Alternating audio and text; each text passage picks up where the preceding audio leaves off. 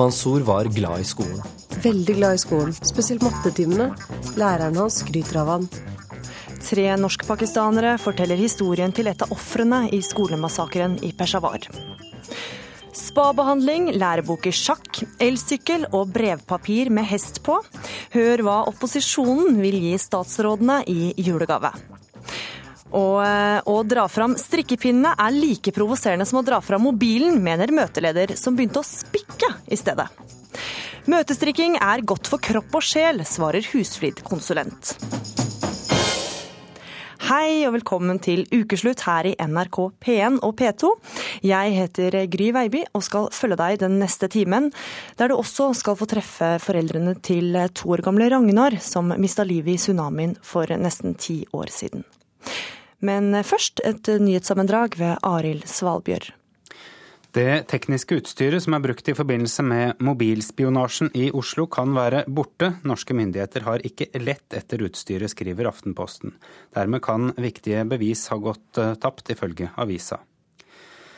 USA sender i januar opp mot 1300 flere soldater til Irak, som skal trene opp irakiske og kurdiske styrker. De amerikanske soldatene skal trene opp ni irakiske og tre persmerga-brigader, ifølge Forsvarsdepartementet. Høyre faller 2,1 prosentpoeng til en oppslutning på 21,2% på dagens Næringslivs partibarometer for desember. Arbeiderpartiet befester posisjonen som det største partiet, og er ifølge målingen akkurat dobbelt så stort som Høyre. Marit Bjørgen vant dagens 10 km skøyting i Davos i Sveits foran Nicole Fessel fra Tyskland. Heidi Weng kom på tredjeplass. Og nå fortsetter ukeslutt med skoletragedien i Pakistan. They were shot and uh, there was many blood behind them and I was very I was very scared and frightened. Ja, Det sa 13 år gamle Asas til BBC. Han overlevde massakren i skolens auditorium i Peshawar. Vi har drept alle barna i auditoriet, hva skal vi gjøre nå? Lydopptaket om dialogen til Taliban-terroristene sjokkerer. Vent til de militære styrkene kommer og drep dem før dere sprenger dere selv, var svaret de fikk. De drepte 149 mennesker, 132 av dem var barn. En av dem som overlevde, var mattelærer Enfakar Ahmed. Ukeslutt prata han med han fra sykehuset i Peshawar. And uh, they have expected me as a murderer, but, but God have saved me. De prøvde å drepe meg, men Gud beskytta meg. Mattelæreren Fakar Hamed lar ukeslutt intervjue han på sykesenga. Han er hardt skada. Terroristene skjøt han fire ganger. Traff han i nakken og armen. Armen måtte amputeres, kroppen opereres. Men verst av alt, de drap alle elevene hans. Skjøt de rett ned. My classroom, there were 18 number of students. And all have been died, all. I was liking all the students because they were just like my children, my brothers. Studentene var som mine egne barn, sier mattelæreren. Terroristene skjøt og drap 132 elever og 12 ansatte før de ble stoppa.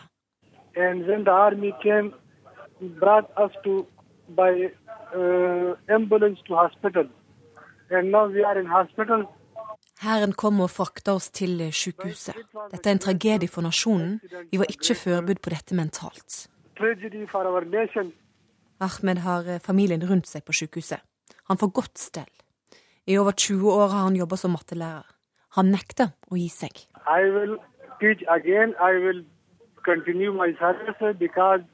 Jeg vil ikke gi meg som lærer. Dette er et hellig yrke. Vi er modige i Peshawar. Vi lar oss ikke knekke dette. Jeg skal undervise igjen, inshallah, om Gud vil. Reportere var Mohammed Alayobi og Sara Victoria Rygg. En av elevene til Ahmed var 17 år gamle Mansour. Ukeslutt har bedt tre norskpakistanere om å fortelle hans historie. Det er hjerteskjærende.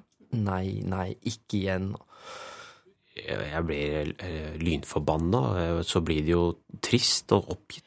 At ikke skolen kan være trygge og stedet hvor man kan få lov til å bli få være i fred. Sint, forbanna og oppgitt, og jeg satt faktisk og gråt. Jeg heter Iram Haq. Jeg jobber som skuespiller og regissør. Jeg har foreldre som eh, kommer fra Karachi. Jeg heter Noman Mubashir og er journalist og programleder i NRK.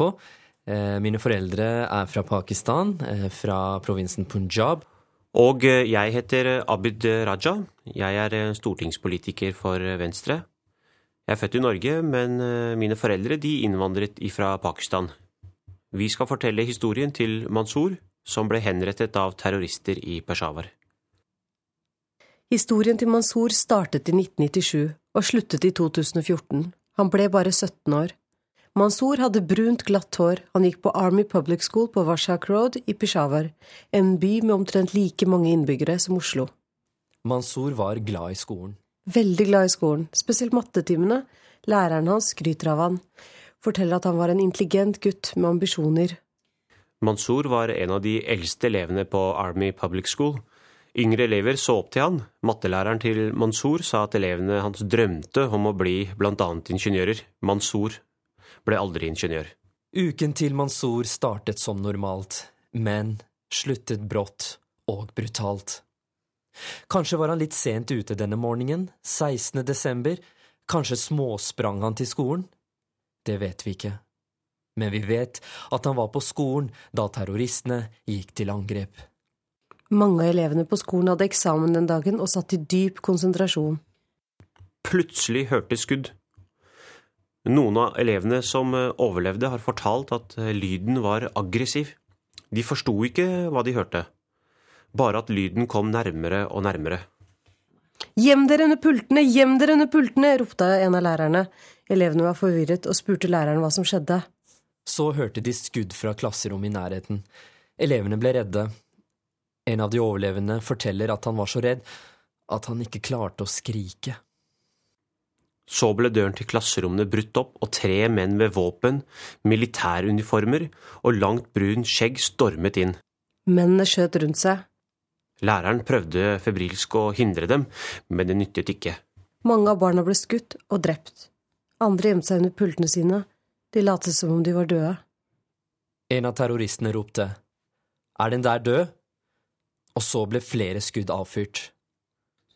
En overlevende forteller at han trodde han var død, men han kunne kjenne sitt eget hjerte dunke hardt av redsel og skjønte at han levde.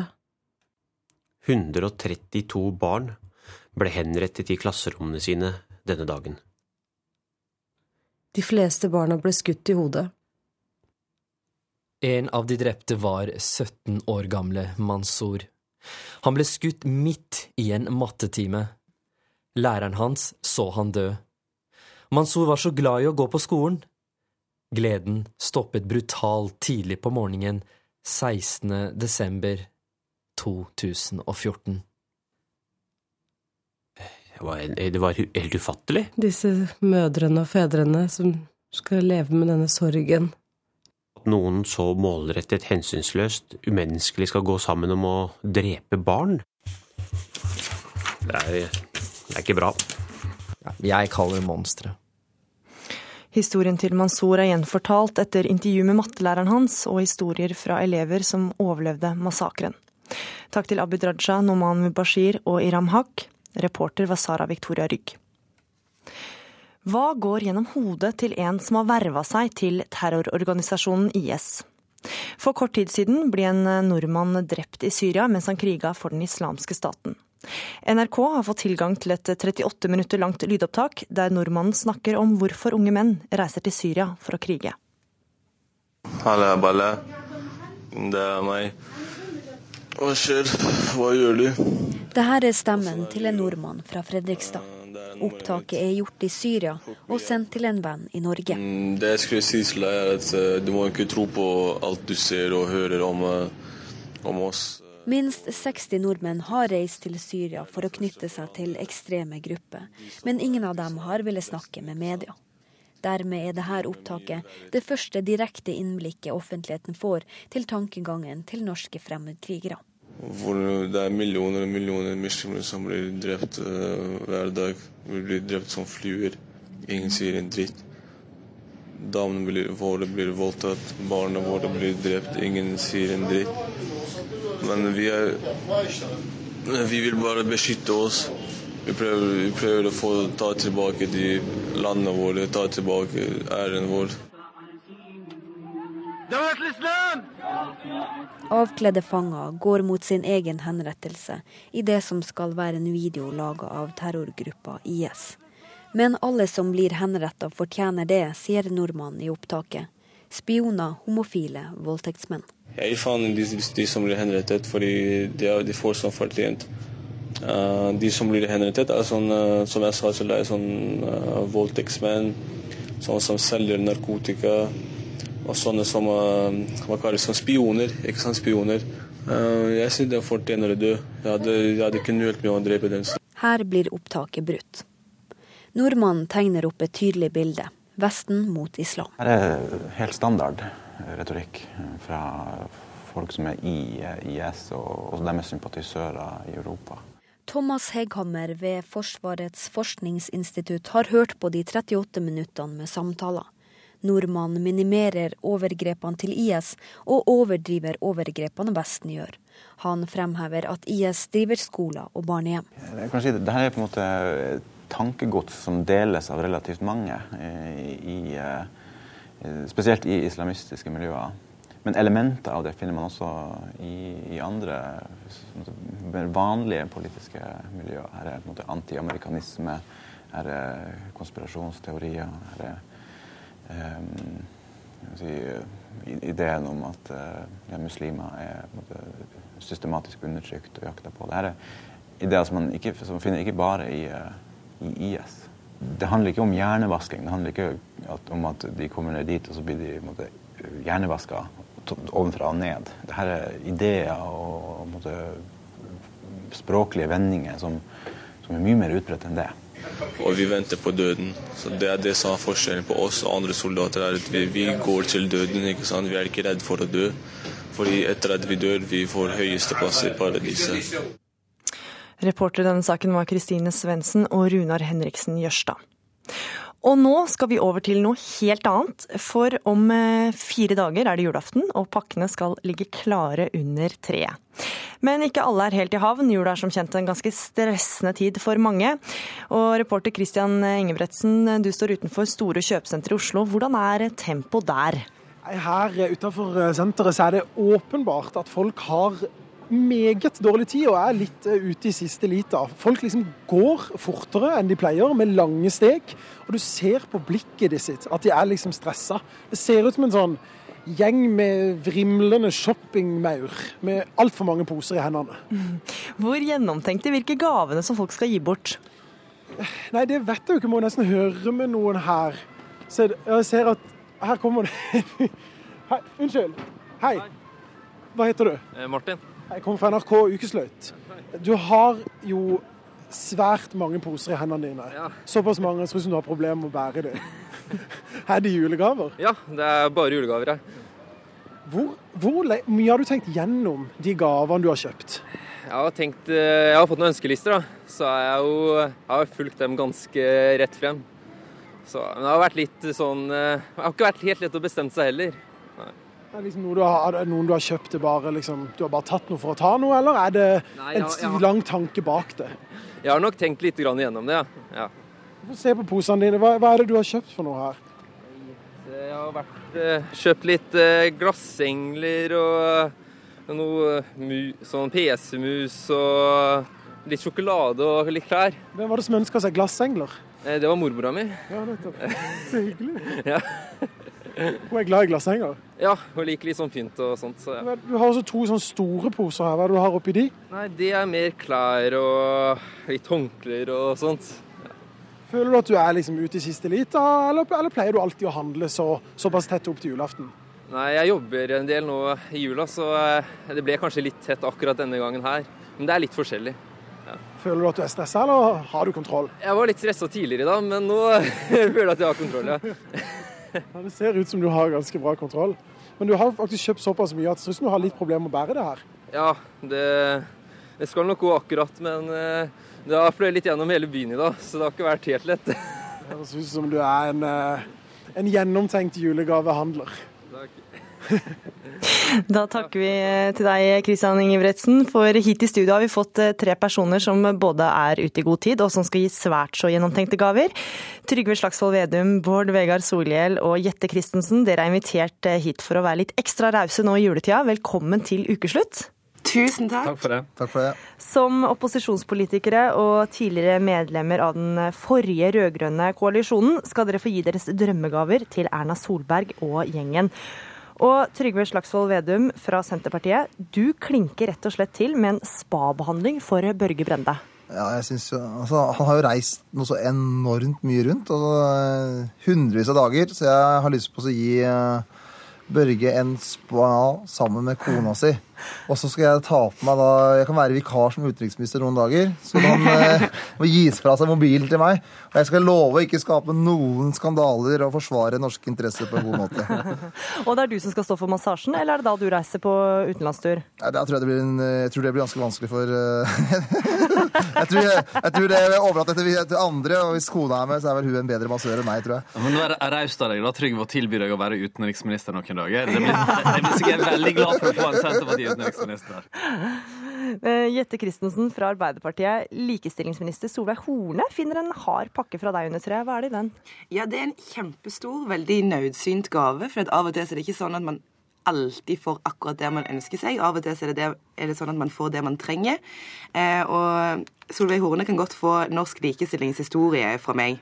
Det, det er en, for det første en veldig fin bok, eh, som jeg anbefaler alle å lese. Men så er det jo også eh, et flott budskap inni der, eh, som sier det at det er ingenting eh, med oppnådd likestillingen som kommer av seg sjøl. Eh, og det er jo noe som er verdt å tenke på i julen for Solveig Horne. Og hvordan formulerer du det kortet så ikke det skal bli en fornærmelse å få den gaven? Det har jeg egentlig ikke tenkt på som et mål. Du kan godt bli fornærma. God jul. Nei, nei, nei, men altså, herlighet. Eh, God jul, god jul, Solveig. God lesning. Eh, Jeg kan jo legge ved et gavekort, eh, gavekort på arbeidstimer i tillegg, som jeg kan gjøre jobben for henne mens hun leser. Ja, Så du også gir litt av deg sjøl? Du sa jo det, at vi skulle gjøre det. Ja. Men eh, det er også andre harde gaver eh, som kan ligge under tre. Jeg, altså, til Anders Anundsen så klarte jeg liksom ikke helt å bestemme meg hva jeg skulle gi han. Men eh, jeg vet ikke om du husker eller om dere hadde det sånn når dere var yngre, at dere hadde brevvenner. Det hadde iallfall vi som vi fikk gjennom Starlet. Eh, og eh, da var det veldig lurt å prøve å bli brevvenn med de fra Oslo, for de hadde veldig fint brevpapir. Jeg tror det er sånn hovedstadsbrevpapir. Eh, og det har jo vært en del brev Jeg jeg anser Anders Anundsen som min brevvenn eh, denne høsten her gjennom kontroll- og konstitusjonskomiteen, så han kan få veldig fint brevpapir, gjerne med hest på. Ah, da blir han sikkert veldig glad.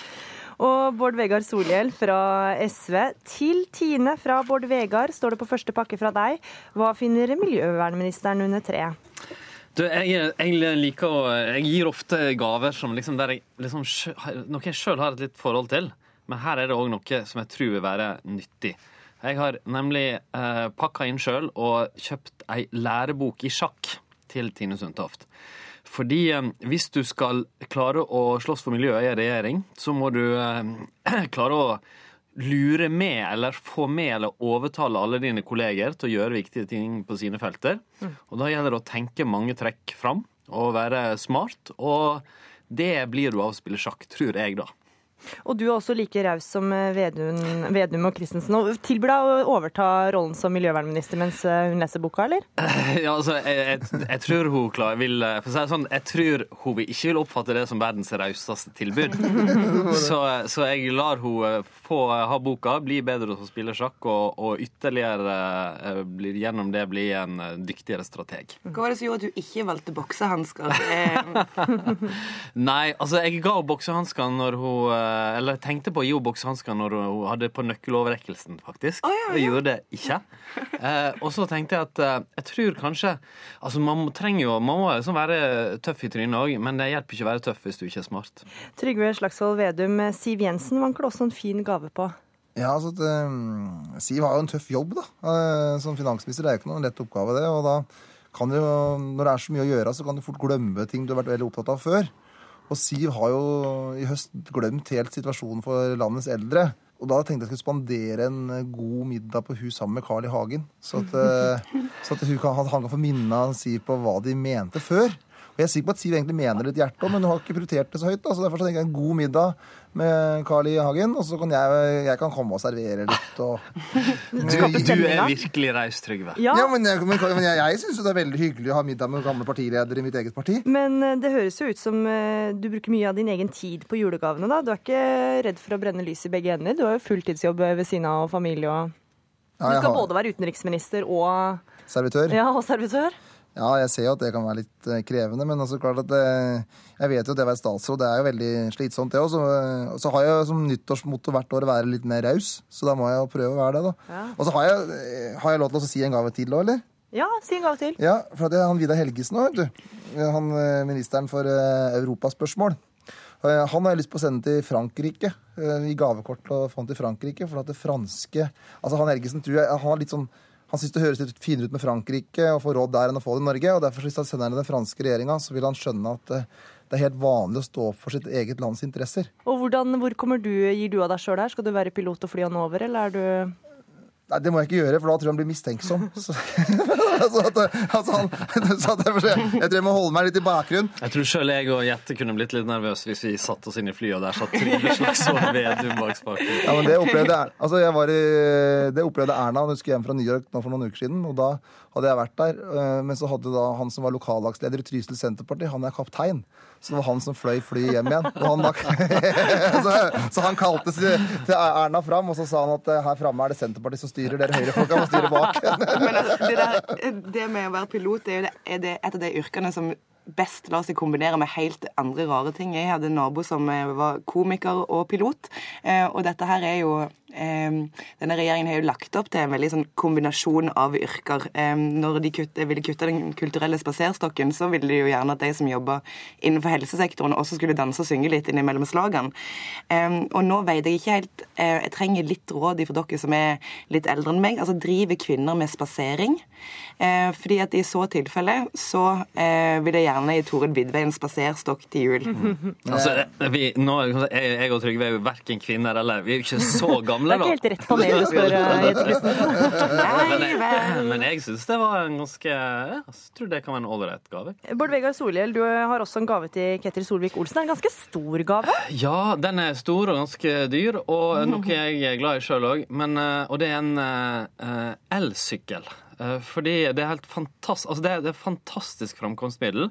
Som kombinerer det å være en sykkel og ta liten plass og ikke forurense, med litt ekstra trådkraft i bakkene, noe du ofte trenger i norske byer. Men her klarte jeg ikke å være Jeg klarte ikke bare bare reise, så det kom en liten hake ved den gaven. At han òg eh, mista førerkortet i en måned, og ikke får bli kjørt med statsrådsbil i Oslo en måned, sånn at han skal få føle på hvordan det er å være syklist i en norsk by. For det altfor dårlig, og jeg syns ikke han har gjort nok for uh, sykkelveier og syklistene enda. Så en gave med et lite stikk. Jeg hører at dere er veldig rause, og dere bryr dere ikke om den eh, dårlige kronekursen. Tusen takk for at dere var med å dele ut eh, julegaver her i Ukeslutt. Noen som ikke fikk det de ønsket seg til jul, er innbyggerne i Kristiansund. Jeg har gjort en nøye vurdering av dette. Og da har jeg landa på at det beste alternativet vil være å legge det nye sykehuset til Hjelset ved Molde. Ja, for i går eh, bestemte helseministeren seg at det nye sykehuset på Nordvestlandet skal legges til Molde. Det har satt eh, mange sinn i kok. Her får du ukeslutts lille oppsummering. Det har vært en heksejakt på alle Storbakken-sympatisører. Det er ikke partipolitikk, det her. Det er en kamp om liv og død. krangler om stort, og vi krangler om smått. Noen må krangle for å ha det godt. Dette er etter mitt syn forsøk på utpressing. Ja, dette er alvorlige beskyldninger, og jeg kjenner meg overhodet ikke igjen i de beskyldningene. Jeg kan ikke fatte at vi har et parlamentarisk system som aksepterer at en slik uverdig saksprosess faktisk krones med seier. Det har vært en prosess med Helse Midt i spissen. Administrasjoner har kjørt en veldig uryddig prosess, og tydeligvis med lovbrudd. Vi er ikke avslappa ennå. Vi, eh, vi er veldig opptatt av å få en avklaring nå. Når prosessen i det siste har hatt mer preg av en Kafka-prosess, hvor alle med sympati for Storbanken er kasta på dør Så siste ord er overhodet ikke sagt i denne saken her. Vi krangler om stort, og vi krangler om smått. Du hører på Ukeslutt i NRK P1 og P2, og det må du fortsette med. Han begynte å spikke i protest mot strikkerne, og møter strikkeentusiast til debatt. Ikke tukl med strikkinga vår, sier Husflid-konsulent. Romjula er for mange synonym, synonymt med festing. La meg slippe, sier programleder. Se for deg du står der med en øl i hånda og har det egentlig ganske kult, men du har et naturlig surfjes, og så kommer noen bort og spør er du sur. Nei, det er jeg ikke. Og da blir man jo sur. Vi skal skru tida tilbake til andre juledag 2004. Nå er andpusten forbi-løper etter nok et flodbølgevarsel oppover fjellsiden. Den har reddet livet vårt en gang før i dag. Og det var fire i natt norsk tid. Ti lokal tid. Da var vi 30 sekunder foran flodbølgen. Og nå gikk varselet igjen. Vi har reddet livet, min kone, våre to barn og jeg, fordi vi har hatt en fjelltopp å løpe til. Romjula for eh, ti år siden ble helt annerledes enn det mange hadde tenkt seg. Her hørte du Hans-Wilhelm Steinfeld reportere direkte. 230 000 mennesker omkom da en flodbølge skylte over store deler av Sør-Asia, og en av dem var Ragnar på to år og åtte måneder. Foreldrene Anders Eriksson og Lise Bang Eriksson har siden prøvd å gjøre noe meningsfullt ut av en total meningsløs tilværelse. Rundt 20 barn kommer den lyse mannen i møte. De hviner av fryd. Anders Eriksson hilser med de få thaiordene han kan. Vi er på et bibliotek for barn i Kaulak i Thailand. Her er det som er fokus på, ikke ta så mye på det som skjedde for ti år siden. For det er på en måte eh, i og for seg årsaken til at vi er her. men noen ganger snur livet opp ned. For egentlig skulle ikke Anders og kona Lise Bang Eriksson ha startet ni barnebiblioteker i Kaulak i Thailand. Det startet for ti år siden, da tsunamien rammet Sør-Asia og Thailand.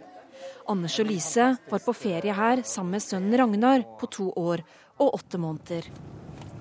Vannivåen var helt oppe i andre etasjen og inn i andre etasjen. Og alt det her, det var borte. Ble, alt ble skylt bort. Det fantes ingenting her. Vi kjører bil i Kaolak i Thailand. Det er egentlig et ferieparadis. Langstrakte strender, palmetrær, og gradestokken viser 30 varme. For ti år siden var han her da flodbølgen rammet. Ferierte med kona Lise og den lille sønnen Ragnar på to år og åtte måneder. Så alt det som står her nå, det er återuppbygd eller kommet til etter. Anders har parkert bilen et steinkast fra stranda. En trang vei går parallelt med den hvite kystlinja. Han har en bærbar PC i bilen og viser meg et bilde. Eh, Nå står vi parkert på veien akkurat her. Det er et oversiktsbilde fra luften. Det ser ut som huset er bombet. Det er totalt rasert. Her sto det åtte stykken toetasjers eh, bygninger med to, to rom i hver. De ble bare borte. Var det her dere bodde? Vi kjører videre. Hva er det du ser etter? Ja, man fjerner det treet jeg havna i. Det er revet. Oi, er det borte? Ja. Visste du Du vet hvilket tre det er? Ja, ja. Vet jeg. Han pleier å kjøre forbi, titte, for det er en del av historien deres nå. Det her huset var det enda som sto igjen. For det er bygd på langs. Så vannet gikk helt opp til taket på det huset der. Hvor høyt er det ca.? Eh, sju meter. Ca. sju meter. Hvordan er det å se dette igjen? Nei, Vi har jo vært her så mange ganger, så det, det var helt fint. Men det som er, det er at vannet var jo sju meter her, og det her er da bakkenivå. Og så har jeg da stranden som går ned til den vanlige vannivåen. Så at akkurat på, i det her området, eller på hele denne sletta, i Banyeng, som den her delen av Kaulak heter, så hadde du en vannstand på ti meter over normalen. Så alt det her palmetrærne det bare stakk opp som busker. Og du var oppi, eller du havnet oppi en av de kronene? Mm, stemmer det. Anders og Lise var sammen med venner i et lite hotellrom da bølgene traff. Av 14 mennesker som var inne i det rommet, omkom sju av dem. Anders ble skylt opp i et palmetre. Lise ble tatt med to kilometer innover land. Hva tenker du om de kreftene som rådde da, når, det, når det, vannet kom så, så langt? Nei, skal, hva man skal tenke. Man, skjønner, man vet ikke hva det er som skjer for noe. Anders og Lise kom bort fra hverandre i vannmassene. Da de fant hverandre flere timer senere, var også Ragnar borte. De lette og de lette, men de fant han ikke. Men det de fant, var en varme, et hjerte hos mennesker som selv hadde det vanskelig thailendere som selv hadde mistet barn, hus og jobb. Bye, bye. Og det startet et nytt kapittel. De startet Ragnars Care Foundation, en stiftelse som i dag finansierer ni biblioteker for barn. Det er viktig å gi noe tilbake. Stiftelsen er jo grunnlagt eh, på en masse erfaring og kunnskap som vi helst ikke hadde ønsket oss. Men eh, når det er sagt, og vi nå ser hvordan eh, stiftelsen fungerer, og hvor mye glede det skaper rundt omkring, så, så eh, syns vi det er kjempeflott at det kan komme noe så godt og positivt ut av noe så meningsløst som skjedde 2. juledag 2004. De har ansatt en thailandsk dame, O, til å drive bibliotekene. For det er viktig at det drives etter thailandsk kultur. Hun ser hvor viktig dette er. Thank you for help children and me in Thailand and library. I'm happy. Ja, det er jo å se hvor godt dette tiltaket fungerer. Både til daglig og, og, og at vi ser at det gir resultater. Det har en hensikt. Reporter her var Ellen Omland. Helge Markusson, er du klar med kniv og pinne? Selvfølgelig er det. Hege Therese Nilsen, er du klar med strikkepinnene? Helt klart. Fint! Spikkesage, lime, banke, spikkesage, lime, banke, spikkesage, lime, banke, spikk. Nå må du spikke, spikk, spikk. Si takk og si ja, og bli med oss og spikk. Nei, vi har ikke De prøver ikke engang å late som de noterer. De kommer på møtene. Wannabe-kjerringene slenger opp strikketøyet. Det er leggings og longs, skjerf og sarier, vanter og votter, småpinner, runde og lange. Ja, Det kunne vi lese i avisa Nordlys, og ordene tilhører deg, Helge Markusson. Du er formidlingskoordinator ved Framsenteret i Tromsø. Og på et møte for litt siden så tok du fram tollkniven og en pinne og begynte å spikke. Hvorfor gjorde du det? Ja, tok den frem og tok den frem. Det var vel mer noen som har blitt veldig provosert for at jeg hadde skrevet det her i bloggen. Så de ga meg en pinne og en kniv på et møte i Oslo, og da det jo bare, jeg måtte jo bare trå til og spikke. Og det gjør jeg fordi at jeg syns det er tatt fullstendig overhånd med de som driver på med håndarbeid, med mobiltelefoner, med strikking, som jo nå er den store farsotten på møter jeg blir på en måte ganske satt ut av mye av det som foregår rundt bordene. Men hva er det som er så irriterende da med møtestrikking? Nei, altså, Mange ganger så prøver man jo å forberede seg til et møte, og da regner man med at folk er kommet hit for å høre på det du skal si, men det ser ut som de er mye mer opptatt av det de har imellom nevene. Ja, Markusson, du sitter altså nå og spikker, mens du, Hege Therese Nilsen, du er husflidkonsulent og sitter og strikker akkurat nå.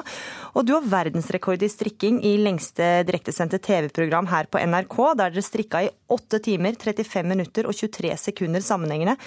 Hva syns du om at din motebatant lar seg provosere sånn av sånne som deg? Jeg syns han tar det helt feil, for man kan ikke sammenligne strikking, møtestrikking, TV-strikking med eh, mobiltelefoner, nettbrett, se på, se på, nyhetene, lese avisen.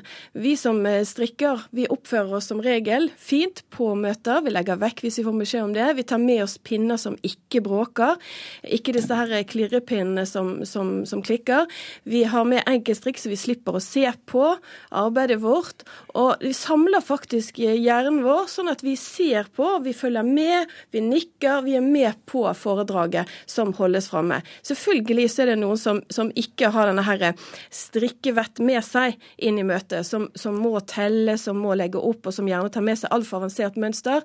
Men vi som er profesjonelle møtestrikkere, vi har med oss ordentlig møtestrikk når vi skal på et møte. Ja, men Er dere betalt for å komme dit for å strikke, eller er dere betalt for å komme dit for å være på møte? Vi vi har kommet dit for å gå på et møte. For å si det sånn, Jeg har vært eh, faglig ansvarlig på Huslinjen i Bergen i ni år. Eh, for, for å roe ned etter en fryktelig fryktelig travel hverdag, så satt jeg meg ned med strikketøyet hver eneste kveld. Det gjør jeg fremdeles.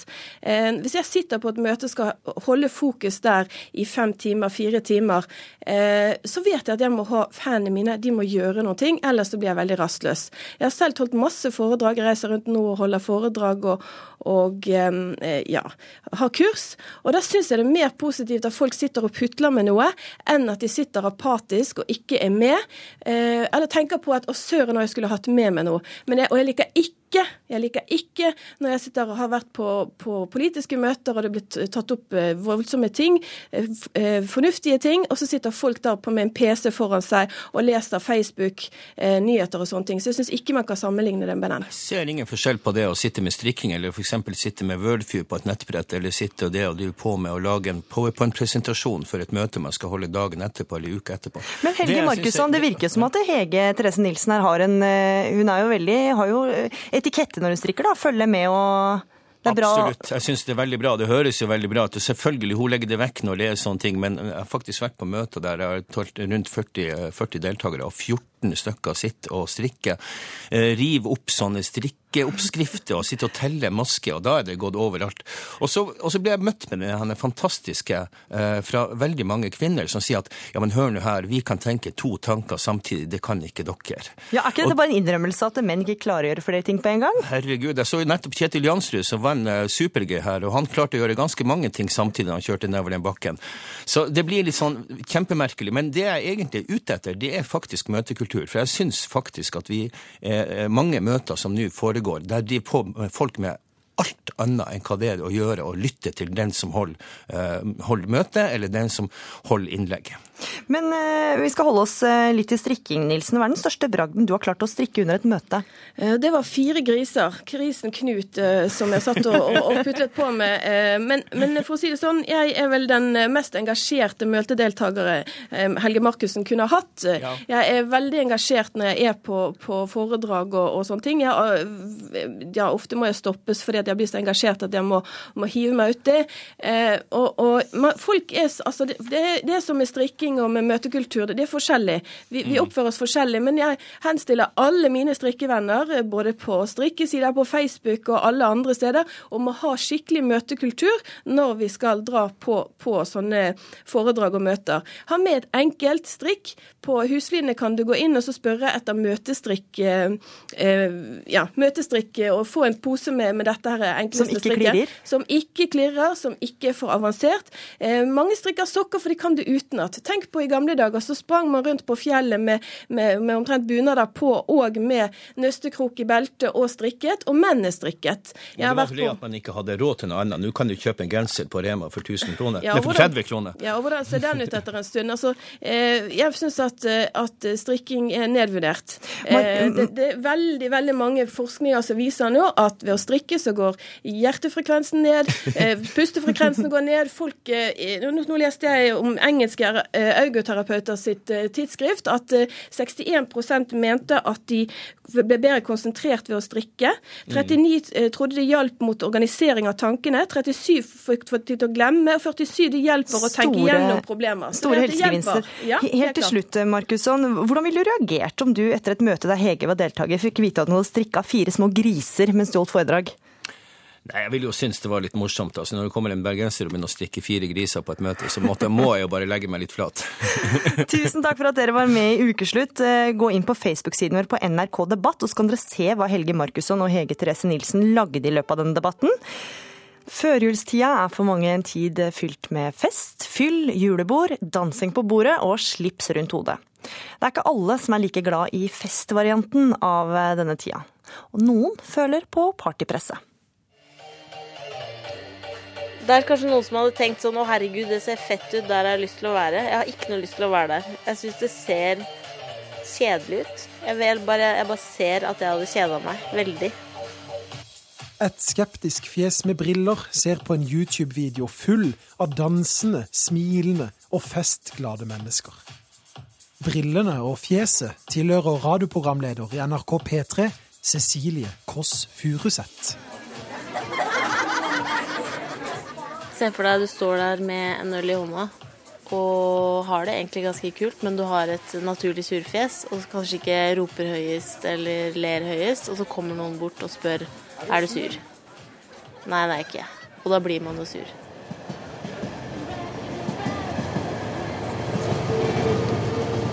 Partytoget ruller i ekspressfart inn mot jula, og nåde den som står igjen på perrongen. Det skrev Cecilie i en kronikk i Dagbladet denne uken. Den ble jo til fordi, nettopp fordi det er denne partysesongen, hvor det er det voldsomme forventningspresset om at alle skal kose seg, eh, og at du helst skal dytte alt inn før eh, året er omme. Eh, og sånn voldsomt mye alkohol. Du skal jo elske det, liksom. Og herregud, det er jo det. Det er kjempehyggelig å bli invitert på fest, men man føler seg liksom pressa til at man må dra. Og du kan ikke bare si du, må du kan ikke bare si 'nei, jeg har ikke lyst', føler jeg. Eh, men jeg syns at det skal være greit. Stikk på. Hyggelig. Takk. Partyfikser Sverre Goldenheim tar oss imot i sin designleilighet på Tjuvholmen, med utsikt ned på Aker Brygge. Sverre har viet livet sitt til å arrangere fest, og å være på fest. Han har lest Cecilies kronikk.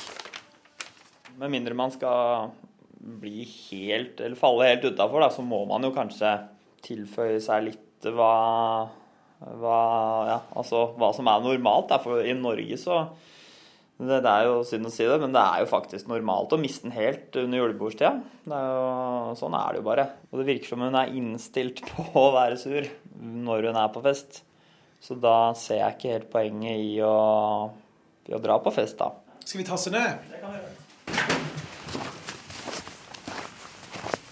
Vi stikker ned til stedet der Sverre skal arrangere en diger fest førstkommende lørdag.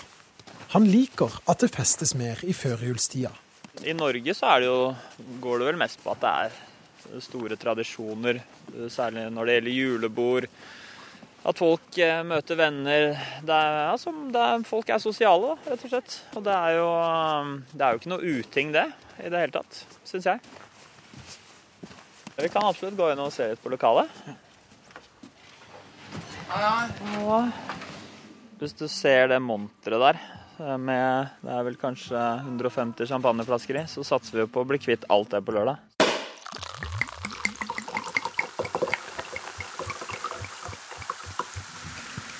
Unnskyld.